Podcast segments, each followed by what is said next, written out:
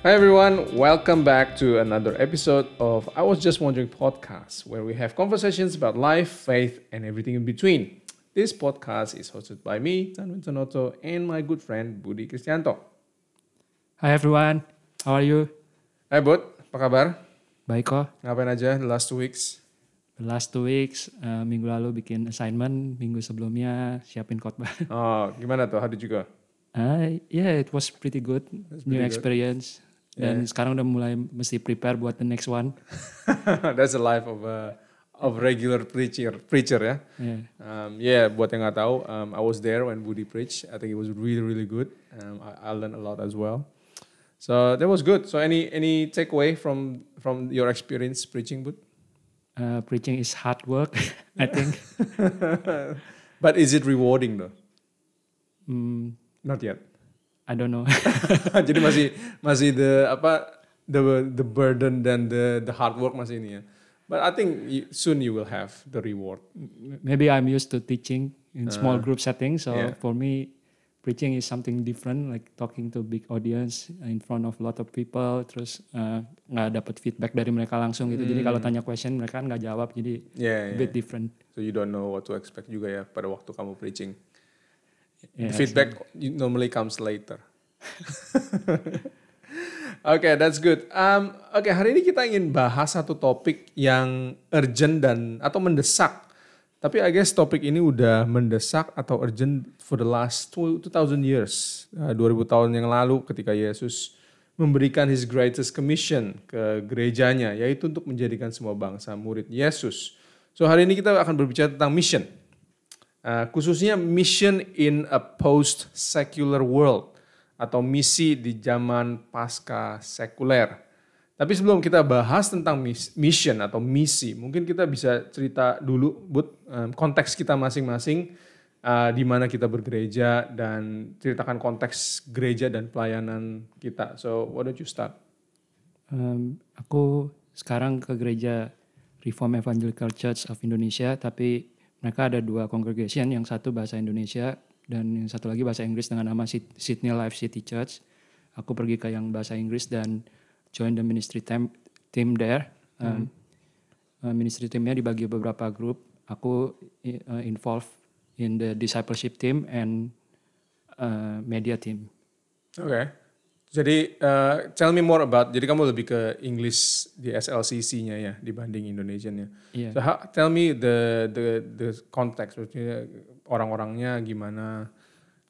Eh, jemaatnya sekarang masih mos- mostly or if not all uh, Indonesians karena mereka awalnya mulai dari uh, Indonesian uh, Dari Young Indonesian adults. parent church-nya ya. iya dan um, mulai tahun lalu uh, sejak mereka merayakan anniversary kelima ministry mereka diubah jadi bahasa Inggris eh, dengan tujuan supaya kita bisa menjangkau komunitas di sekitar yang bahasa Inggris juga Hmm. yang apa komunitas orang-orang lokal dan mungkin anak-anak yang udah besar di sini yang teenagers bisa join kita dan mereka bisa bawa teman-temannya ke situ. Oke, jadi uh, SLCC itu berawal dari seperti youth uh, group dari gereja Indonesia masih berbahasa Indonesia lalu lima tahun setelah berumur lima tahun berubah menjadi English speaking. Eh, iya, Oke, that's good. Oke, uh, buat saya, um, I'm the associate pastor, one of the associate pastors di gereja Indonesia, namanya Ecclesia Mission. Uh, gereja kami uh, emang berbahasa Indonesia. I think uh, the struggle of the gereja berbahasa Indonesia adalah uh, how to do mission ya di di kota yang tidak berbahasa yang sama dengan gereja kita. So that's the the struggle and I think the challenge um, untuk gereja-gereja Indonesia di luar negeri ya. Uh, Oke, so let's start with the definition, Bud. Apa sih yang kita maksud dengan kalau kita berbicara tentang misi? I know you've done a paper on mission, that's why it's a good topic. What is the definition? Eh, misi kalau di Alkitab sebenarnya artinya eh, sending, mengirim, mengutus, Oke, ya, mengutus. simple as that. Iya, Siapa yang diutus? Siapa, yang Siapa yang diutus dan siapa yang mengutus? kalau bicara misi kan banyak orang suka mikirnya kenapa orang Kristen melakukan misi? Hmm. mereka kasih alasan banyak mungkin oh karena mau orang diselamatkan karena eh, Yesus kasih Great Commission eh, apa amanat agung. Ya. eh, atau juga karena melihat dunia ini kok broken eh, kita perlu perlu menginjili. Hmm, ada banyak hal yang kayaknya unjust nggak adil eh, karena alasan sosial. Ada orang yang Iya. menginjili karena alasan-alasan itu. Tapi kalau dia kita baca di Alkitab sebenarnya misi itu mulanya bukan event di Great Commission. Hmm. tapi misi itu sudah ada jauh sebelumnya karena Allah kita itu Allah yang misional Yes. jadi misi itu starting pointnya di dalam pribadi dan pekerjaan Allah Tritunggal sendiri. Hmm. Coba explore uh, di mana kalau kita bisa apa pinpoint in the Bible gitu, di mana titik awal dari kalau kita emang tahu karakter Tuhan adalah uh, you know the God who sends, right? But where can we pinpoint that uh, karakteristik dari Tuhan? Waktu aku eh, nulis paper ini eh, semester lalu aku ambil tentang eh, bukan spesifik tentang misi sih, tapi tentang eh, doktrin dasar kekristenan dan Yeah. salah satu tugasnya untuk memikirkan bagaimana doktrin Allah Tritunggal itu mempengaruhi kita punya worship, kita punya misi dan kita punya Christian life, Christian living. Yeah. Aku pilih yang tentang misi. Hmm, kalau kita bahas ini Eh, mungkin kita bisa ing- ingat di Alkitab itu Paulus banyak nulis juga tentang eh, Allah itu udah punya rencana untuk eh, menyelamatkan manusia itu before the creation of the world even. Iya. Jadi Tuhan udah udah menentukan eh, kita untuk memanggil kita itu jauh sebelum dunia dijadikan gitu. Udah udah memilih eh, kita untuk menjadi anaknya gitu. Dan eh, salah satu eh, misi tu- Tuhan yang dinyatakan itu adalah untuk unite all things under Christ untuk em, menyatukan segala bangsa semua orang everything bahkan the whole creation Yep. di bawah Kristus jadi eh, I think eh, kalau kita berpikir tentang misi misi itu mulai jauh di Sebelum dalam kekekalan itu udah ada rencana Allah untuk Ya. misi itu dan waktu penciptaan eh, kita bisa lihat juga manusia ngalama kita nggak tahu berapa lama setelah itu manusia jatuh ke dalam dosa tapi eh, janji yang Tuhan berikan eh, itu untuk mengutus anaknya itu udah ada gitu di kejadian 3:15 ya Iya. proto evangelion. Eh, Injil yang pertama eh, apa janji janji yang pertama itu udah diberikan gitu. Kalau Tuhan akan mengut, eh, keturunan perempuan keturunannya Adam Hawa akan em, apa gimana menghancurkan, eh, mus- kepala ular itu. Ya I think eh, dari awal eh, mi- kalau kita berpikir tentang misi-misi itu eh, bermulai da- mulainya dari eh, kasih Allah. Eh, waktu aku ngomong kasih Allah itu maksudnya eh, dalam hubungan Bapa dan anak dalam kekekalan. Dalam Trinity. dalam Trinity Eh, karena karena Bapa mengasihi anak, Bapa take, takes delight in the Son, eh, makanya dia eh, mengutus anaknya. Dia pun ingin berbagi kasih itu kepada dunia yang dia jadikan itu. Yeah, yeah. I think um, kalau if I can stretch the the idea further, kalau kita bilang Allah Tuhan kita adalah Tuhan yang mengirim, I think sebelum dosa jatuh pun dia sudah mengirim. Kalau sebelum manusia jat, sebelum manusia diciptakan pun uh, firman Allah tuh bilang uh, pada waktu menjadikan semua makhluk he sends the the the creature gitu untuk penuhi bumi ya kan? Dan pada waktu manusia mandat manusia adalah untuk uh, menaklukkan bumi ya kan? Jadi even before manusia jatuh dalam dosa Tuhan itu ada, sudah mengirim ciptaan-ciptaannya untuk memenuhi his creation. So I think that's that's that's good gimana kita bisa ngelihat um, karakter Tuhan sebenarnya tidak diubah oleh dosa. Jadi misi bukan berak- bukan hanya ber- berawal pada waktu manusia jatuh dalam dosa. Ya, jadi the nature of God is a sending God.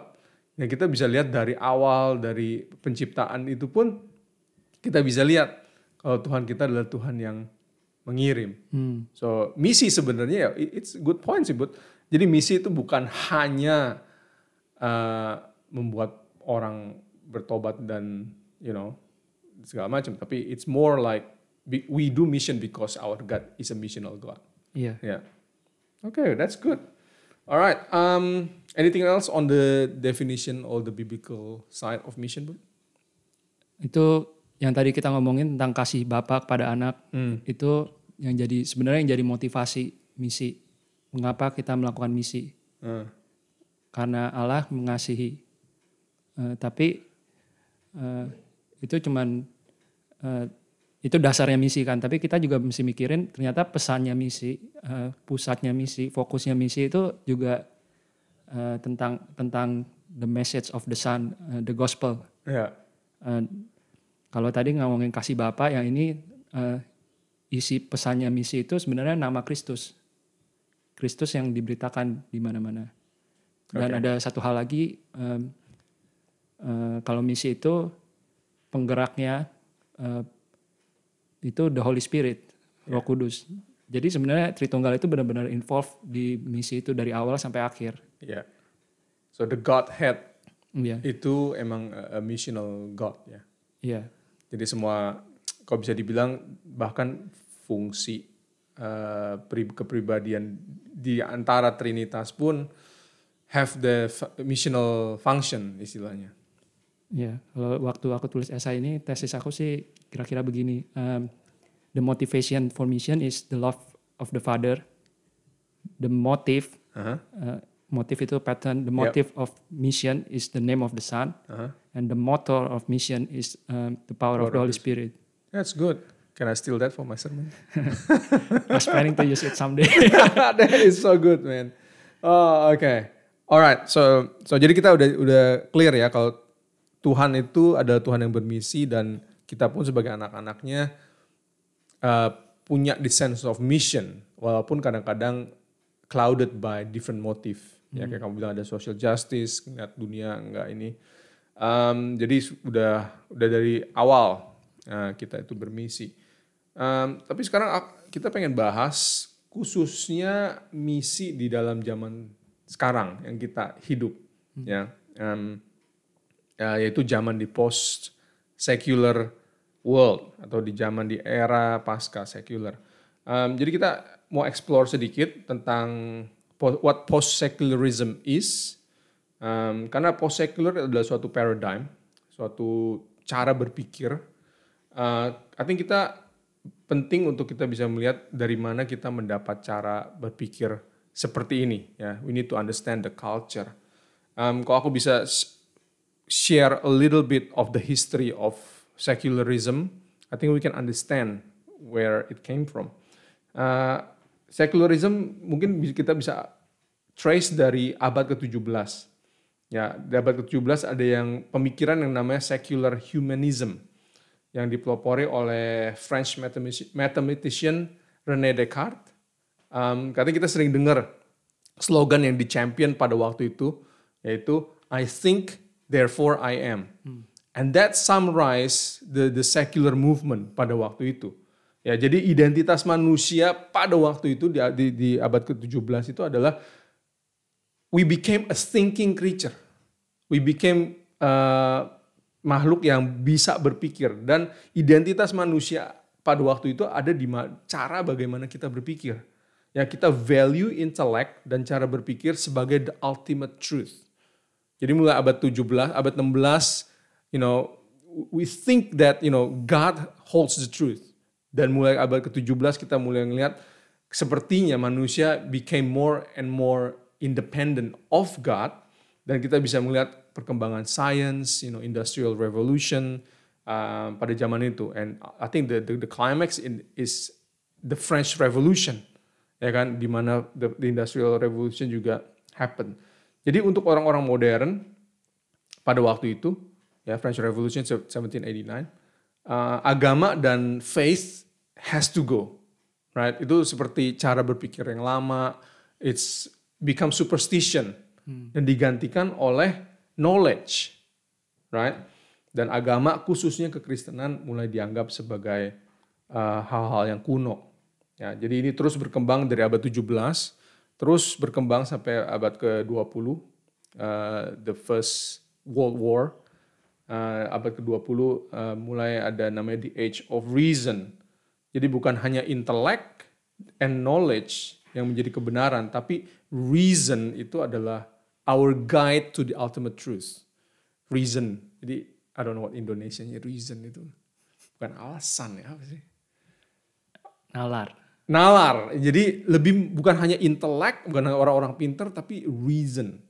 Ya, dan kita bisa lihat di zaman ini, uh, di zaman di abad ke-20 maksud saya, uh, aku bisa quote dari seorang profesor namanya Peter Jones, dia bilang seperti ini. Only the ability of the human being based no longer on faith in God, but on faith in reason itself as the criteria, criteria of truth would save us. Jadi ini quote ini mencakup pemikiran orang-orang di abad ke-20 ya tahun 1900 ke ke atas. Jadi konsep kita tentang kebenaran itu berubah dari Tuhan adalah the ultimate truth, ya kan? The Christendom, you know, the Christendom era dan abad ke-17 pemikiran itu mulai ditantang. Kalau knowledge adalah sebenarnya sumber kebenaran ya sampai ke abad 20 zaman modern zaman sekuler uh, yang bilang reason adalah sumber kebenaran. Nah, tapi ternyata you know very surprisingly uh, reason tidak bisa menyelamatkan kita ya. So kita pun moved on ya. Pemikiran reason kalau reason is the ultimate truth, kita move on dari secularism ke post secularism yaitu zaman yang kita hidup sekarang. Hmm. Ya, this is where we live di mana kita ada di zaman postmodern atau post secular age. Nah, bedanya apa? Bedanya post uh, secular dengan post secular. I'm gonna summarize it quickly. Ya, yeah.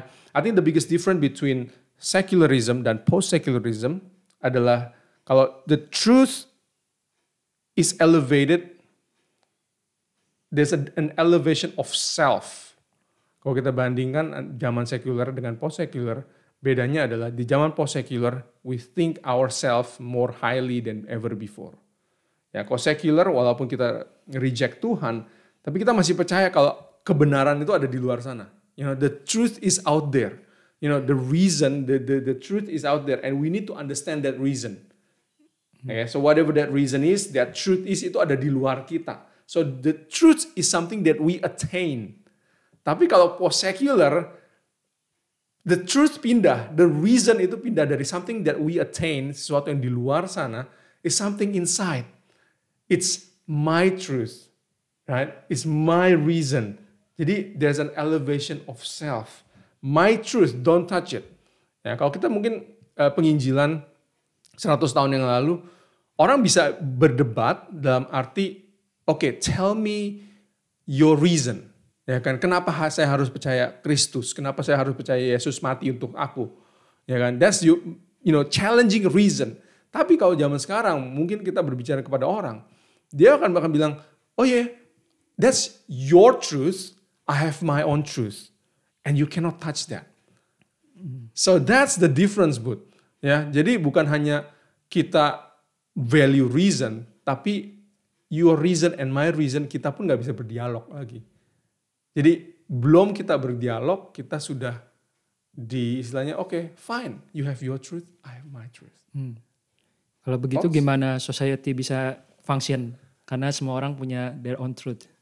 We'll wait and see. I think that's the problem with uh, zaman sekarang ya, especially uh, the the next generation yang punya pemikiran ya seperti itu.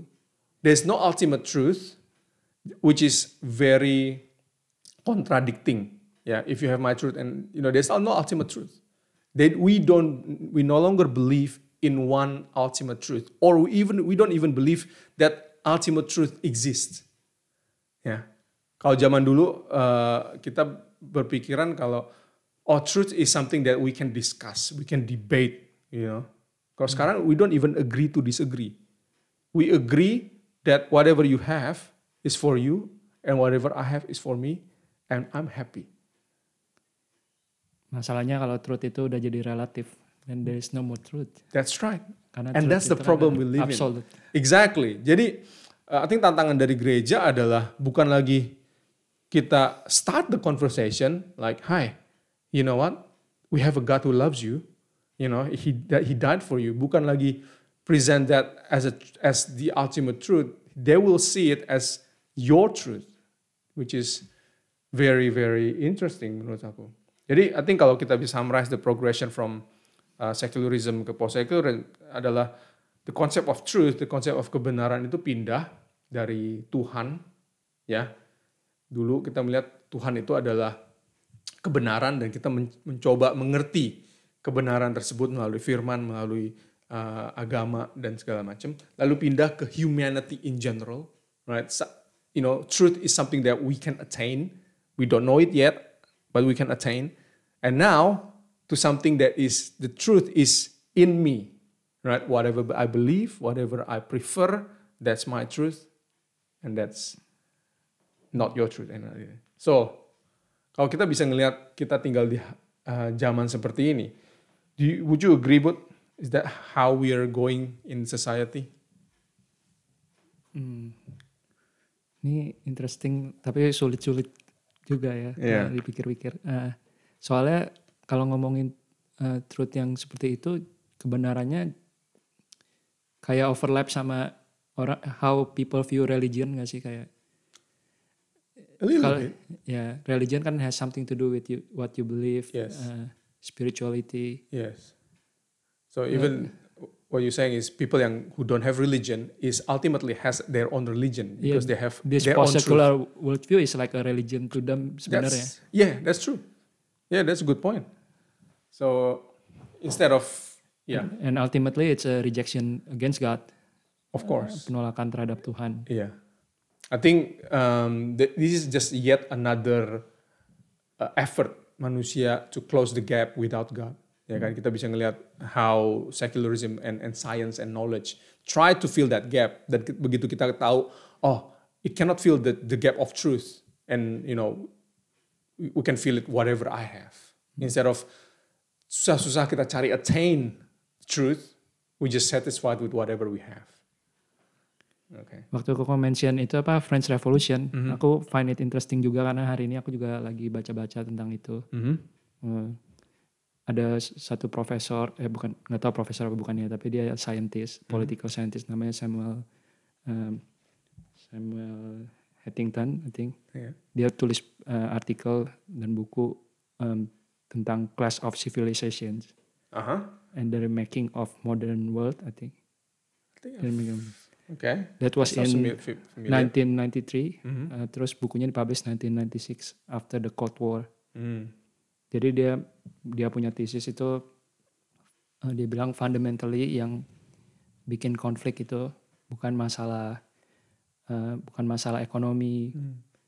uh, bukan masalah even dia bilang bukan masalah religion atau political tapi masalah cultural masalah civilization hmm. civilization dia lihatnya sebagai um, culture tapi lebih broad lebih mencakup banyak hal jadi ada western civilization eastern civilization misalnya hmm. uh, middle eastern atau yeah.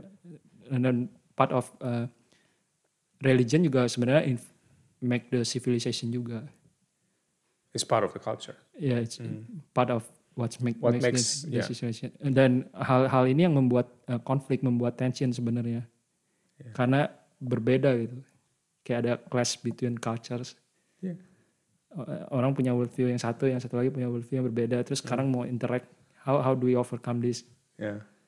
Kalau kalau yang zaman dulu itu katanya um, yang menyebabkan perang itu karena itu war between princes, war between kings. Individuals. Ya, ada hmm. monarch atau hmm. raja atau orang yang berkuasa dia pengen um, extend dia punya reach, hmm. dia punya uh, dia punya dominion, dia pengen extend supaya orang tunduk sama dia, dia punya pengaruh makin besar gitu.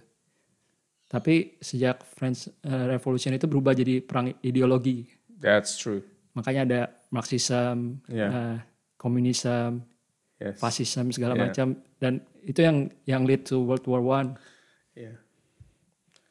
Dan ya terus gitu sampai wah World War Two Okay. Sekarang kita masuk, abis itu mereka masuk Cold War. Yeah. Sekarang kita live in that post post Cold War time, post modern time yang koko bilang tadi. Yeah. Uh, okay. Uh, instead of get, getting historical and political, let's go back to mission gereja. Uh, now we know how uh, cultural today's culture thinks. Um, jadi apa misi gereja itu berubah, bud, dari zaman dulu sama zaman sekarang? Sebetulnya yang tadi kita omongin itu hal-hal yang muncul juga di eh, kisah para rasul menariknya. Hmm. Mhm. Waktu gereja mula-mula terbentuk, em, Paulus menginjili ke bangsa-bangsa. Memang waktu itu Roma yang eh, kekuasaan politiknya paling bes- eh, menca- apa mencakup sem- paling luas ke mana-mana. Tapi eh, ya dia punya challenge juga sama sebenarnya against people punya worldview, mereka punya own religion, mereka punya idols, gods, Iya. uh, materialism. Uh, ya sama lah sebenarnya challenge ya with So- modern people. It's not new problem I think. Not your problem. That's right. And I and I agree. Sometimes kita melihat kalau um, you know, I think the challenge for Christians or the church is not different, but it's not the same either. Right? Um, I think that the how gereja fit into culture is something yang we struggle a lot as a church, as Christians. Ya kan? Tapi kalau kita ngelihat pelayanan Paulus sepertinya ya, kita ngelihat he fits easily dalam ke you know in in different culture although he's persecuted tapi he know he knew what to say. Ya kan? he knew how to how to pinpoint the idol in that culture. He knew how to apa disrupt the, their belief gitu loh. Sampai dia bisa preach Christ di di di di mana di mana di mana-mana gitu. Jadi to me as a church I think we need to have that skill di mana kita bisa melihat dan membaca culture di mana gereja tersebut berada dan disrupt the idol, disrupt the the false gods or the false thinking, ya kayak kamu bilang the, the ideology. Tapi kita bisa ngelihat di mana Christ menjawab idol-idol tersebut, ya kan? What do you think? Put? Iya, if ultimately kita mesti bisa present the gospel as the better news, Yes. bukan cuman good news doang, tapi it's a better news than all that you have believed. Hmm. Em, ya, yang koko bilang itu benar, kita mesti ngerti supaya kita bisa sampai ke sana kita pun mesti ngerti culture yang sekarang itu seperti apa, bagaimana mereka punya cara berpikir, kenapa mereka percaya hal-hal itu, apa yang em, jadi pengharapan mereka misalnya. Yeah. Yeah, that, that that's true. I think um, tapi menurut kamu kamu kan udah bekerja lama, sudah you know pelayanan juga juga lama.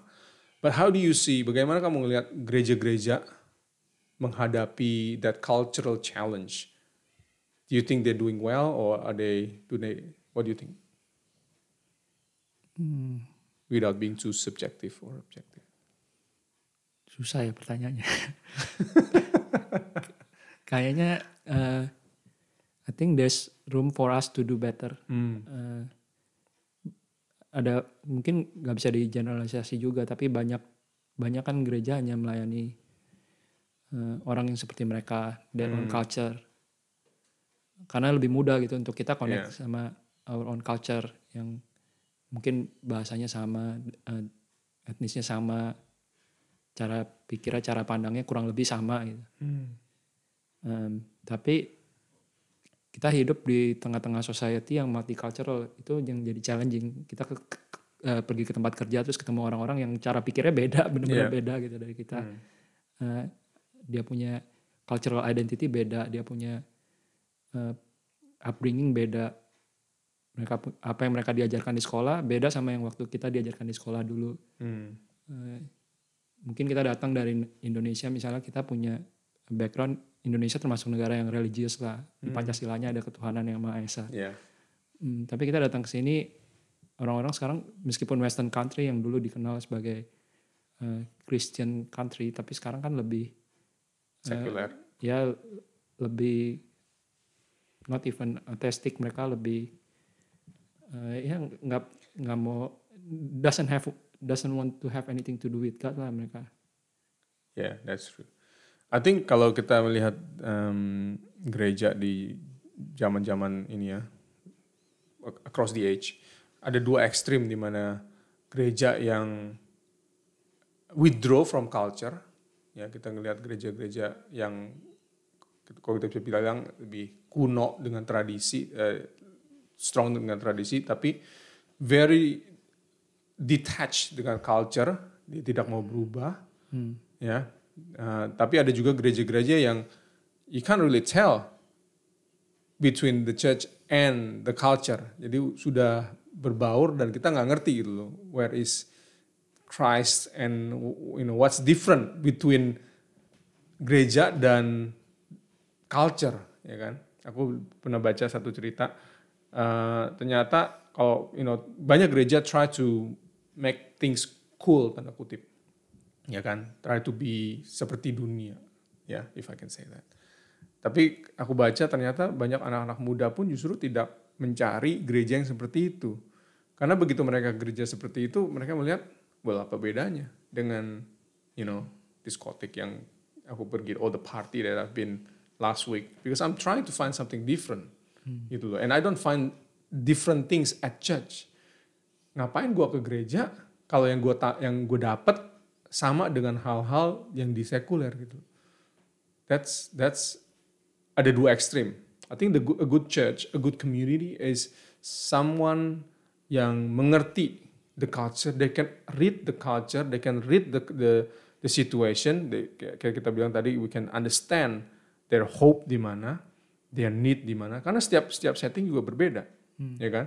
Apalagi kita di multicultural seperti ini, every suburb has a different idol, ya kan? Saya udah research di dekat rumah di Hurstville. You know, you can amazingly you can read a lot from census. You know how much people get, how much they they pay, they get paid kurang lebih ya, I don't know individually, tapi di, di how they live, ya kan? Ternyata banyak orang melihat pekerjaan adalah sesuatu yang tidak secure, yet something yang mereka andalkan gitu. And how shaky is that? How awesome is it kalau gereja bisa memberitakan kabar baik, kabar, a better news that you know what, there's something stronger rather than your career that is shaking at the moment, ya kan? There is something more, better dibanding your career or your job that you cannot depend on anyway. And pada waktu aku try to learn about the culture, it's it's amazing how the church has the story already, ya kan? Has the good news already. We just need to tell it in a way where it hits them. Seperti Paulus di Mars Hill. Ya, what do you think? Aku lagi mikir aja ini gimana kita mik mikirin ini di konteks misi. Uh. Oke, okay, going Jadi- back to the mission. Ya, misi gerejanya apa sebenarnya sekarang ya? Jadi kalau kita, I think misi gereja juga nggak bisa lepas dari culture, Hmm. because kalau ng- ngomong kasarnya, in every aspect that God is doing is within a cultural context, ya kan? Tuhan memberikan kita a Hebrew Bible, right? That is in itself a cultural context, ya kan? Karena you cannot separate manusia dengan culture. Jadi Tuhan berkomunikasi pun melalui cultural means. So I think you cannot separate the mission of the church with the culture where the church belongs. Agree or disagree, Bud? I have to agree. Yes or no? ya, iya ya. Yeah. So okay, going back to the okay to the to the local church setting lah. How can we be better at mission? I think misi harus intentional. Okay. Karena kita nggak mungkin eh, apa itu di Roma aja Paulus bilang misalnya eh, bagaimana orang bisa percaya eh, kalau mereka Karena tidak mendengar mendengar. Injil. Hmm. Tapi bagaimana mereka bisa mendengar Injil kalau nggak ada yang memberitakan Injil dan bagaimana bisa ada yang memberitakan Injil kalau tidak ada yang diutus. Jadi eh, intinya gereja harus belajar menjadi gereja yang intensional untuk mengutus orang-orang juga untuk equip mereka misalnya untuk gimana mereka speak to the culture, uh, me- me-equip uh, memperlengkapi jemaatnya gimana gimana read the Bible properly, baca Alkitab, gimana gimana ngerti Injil. Um, karena kalau setiap pribadi itu uh, punya conviction tentang Injil yang kuat, yang benar, uh, mereka sendiri hidup dalam kebenaran, mereka itulah yang nantinya jadi agen-agen yang akan mempengaruhi culture itu. Karena Iya. karena nggak kita nggak bisa rely on satu orang preaching di local church every week terus berharap the whole culture is transformed. Tapi lewat um, setiap orang Kristen yang hidup di tengah dunia itu yang mereka yang menghidupi uh, the gospel Yeah. mereka yang menghidupi Injil mereka yang memberitakan Injil juga ke orang-orang dan gereja ini harus jadi gereja yang intentional dalam discipleship juga dalam memuridkan mereka memperlengkapi mereka untuk nantinya mereka diutus ke tengah-tengah culture itu. That's very good point. So kalau kalau gereja melihat seperti itu ya kadang-kadang kita separate the discipleship dengan mission toh. Oh, this is discipleship thing yaitu bikin kelas lah, ngajar, khotbah. That's discipleship. Kalau kita yang keluar, nah itu mission. Tapi I think that's a, a false dichotomy juga ya, pemikiran seperti itu.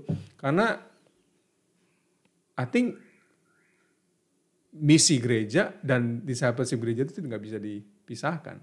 They're one and the same. One, you know, two sides of the same coin. You cannot have mission when you don't disciple. And when you don't have discipleship, that's not doing a missional church juga gitu. Um, I think that's good.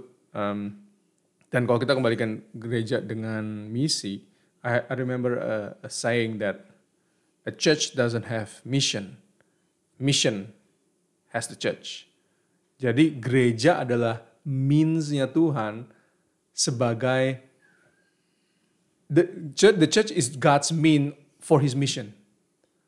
Jadi gereja itu sebenarnya alat untuk yang Tuhan pakai untuk misinya Tuhan. Jadi misinya bukan misi punya gereja, tapi misinya punya Tuhan. Dan gereja itu hanya alat untuk Tuhan memakai gereja untuk menjalankan misinya. Dan kita bisa kembali ke you know our talk half an hour ago yaitu our God is a sending church uh, is a sending God and the church is the means for that. And kamu bilang ya kan the discipleship happens because we are sending church and the missional happens because we are a sending church. And why are we a sending church? Because we have a sending God. Iya. Dan mungkin kita juga perlu ingat apa sih tujuannya misi itu. Kalau misi kan sesuatu yang kita kerjakan, sesuatu yang kita lakukan. Tapi apa sih tujuannya? Gue ingat John Piper pernah bilang, eh, mission exists because worship doesn't. Eh, jadi misi itu tujuannya untuk eh, supaya orang-orang balik menyembah Tuhan gitu. Okay, that's interesting. Ya, Eh, kita kadang-kadang memisahkan misi, eh, kita punya understanding tentang misi dari eh, our eh, theology about God, tapi nggak- sebenarnya nggak bisa gitu, Yeah. karena eh, semua kita punya misiologi itu harus lead to doxologi juga kan, harus Yeah. eh, ujung-ujungnya tu- Tuhan harus dimuliakan dan kita wak- waktu menge- mengerjakan misi ini kita harus punya itu sebagai goalnya gitu. The worship of God. the worship of God kita harus remember why we are doing mission. Hmm. Dari kita udah ngomongin kalau oh Tuhan pun sending God, tapi kita masih ing- misi itu bukan tentang kita gitu, tapi Iya. tentang tentang Tuhan. Karena kita akan mudah menyerah kalau berpikir misi itu about us. It's too hard. Iya, ya. I think ya so kadang-kadang kita mikir oh misi adalah going out uh, preaching to someone we don't know, uh, you know doain orang-orang di jalan dan segala macam. But that's a very small part of what mission is. Okay. Uh, I have a question tapi gue lupa. uh, ada lagi bud about mission? Okay, let, let's go to the practical. Okay, before we close, let's go to the practical. Say if I'm a, a church, yeah, I don't know, regular size church di Australia, yeah, 80 to 100. That's actually a big church. Okay, 40 to 60 people. Okay, bagaimana kita, kami sebagai satu gereja, satu komunitas yang sudah dipilih Tuhan menjadi pengaruh dan menjadi me- melaksanakan mandate gereja sebagai missional means of God well? How do we do it? through discipleship. Through Oke. discipleship. Contoh? Ya tadi yang kita ngomongin em, mungkin eh, kita harus pertama tren kita punya jemaat supaya punya high view of scripture bisa mereka eh, benar-benar percaya Injil itu benar-benar gitu sampai itu Hmm. jadi mereka punya conviction for life karena Injil itulah yang memanggil mereka untuk memberitakan kabar baik itu ke orang-orang lain juga membagikan itu ke orang-orang lain juga Hmm. Em, terus mungkin juga bisa dengan supporting missionaries juga karena itu jadi ngajarin orang gimana use eh, kita punya em, kekayaan kita punya dana kita punya Yeah. fin- finance buat help orang-orang yang pergi misi misalnya ke luar, ke luar negeri apa lembaga-lembaga misi. Kita support mereka dan kita kasih tahu jemaat nih kita memang sponsor mereka kita misi mereka dan ini yang mereka achieve. Eh, kalau kalian ada yang tertarik juga mungkin kalian bisa join.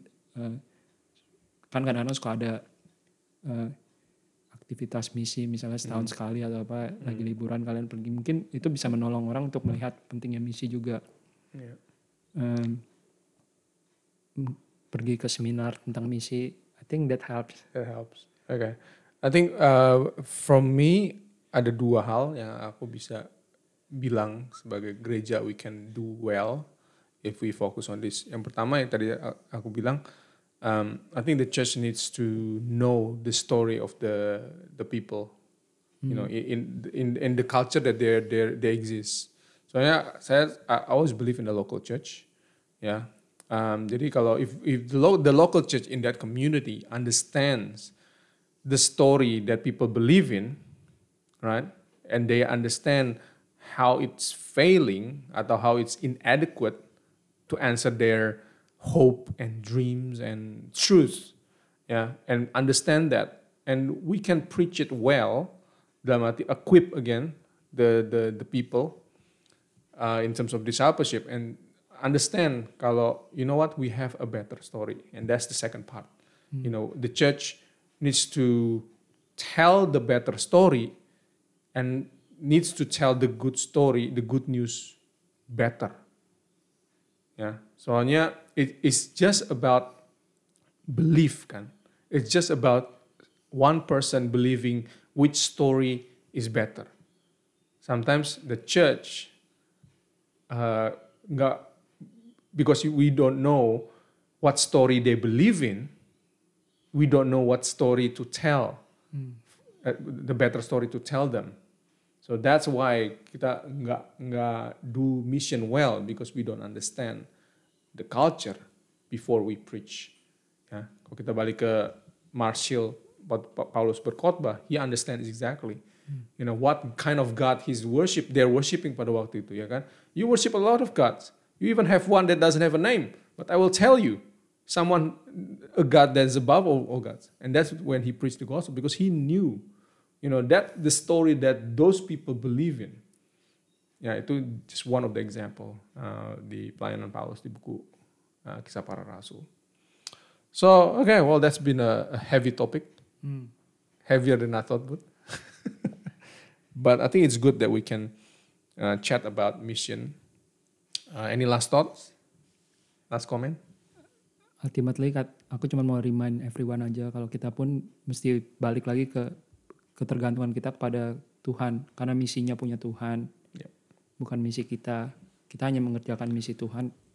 Kita dalam kondisi apa pun kita mesti tetap bergantung sama pekerjaan Roh Kudus karya Roh Kudus dalam hidup orang-orang itu.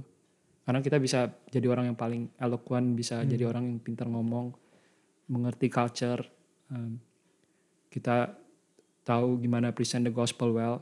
Tapi orang-orang nggak akan bisa menjadi percaya kalau um, Tuhan nggak bekerja gitu. Dan misi ini punya Tuhan jadi kita mesti I think being um, fervent in prayer ini juga ya contoh yang kita belajar banyak dari kisah para rasul dan jemaat Tuhan di mana-mana berdoa gitu waktu Paulus melayani dia punya orang-orang uh, other disciples who pray for him. Ya. Dia sendiri ya bergantung teruslah sama Tuhan bukan sama kita punya eloquence atau kita punya strength. Hmm. um, ya I think kita kita punya misi akan be fruitful itu bukan karena pekerjaan kita ya. Ya. Ujung-ujungnya karena karena Kristus sendiri karena Tuhan sendiri yang memberi pertumbuhan itu Okay, that's some wise words, Bud. Uh, to close, can you quote your thesis again? That was good. hmm, oh intinya ya intinya.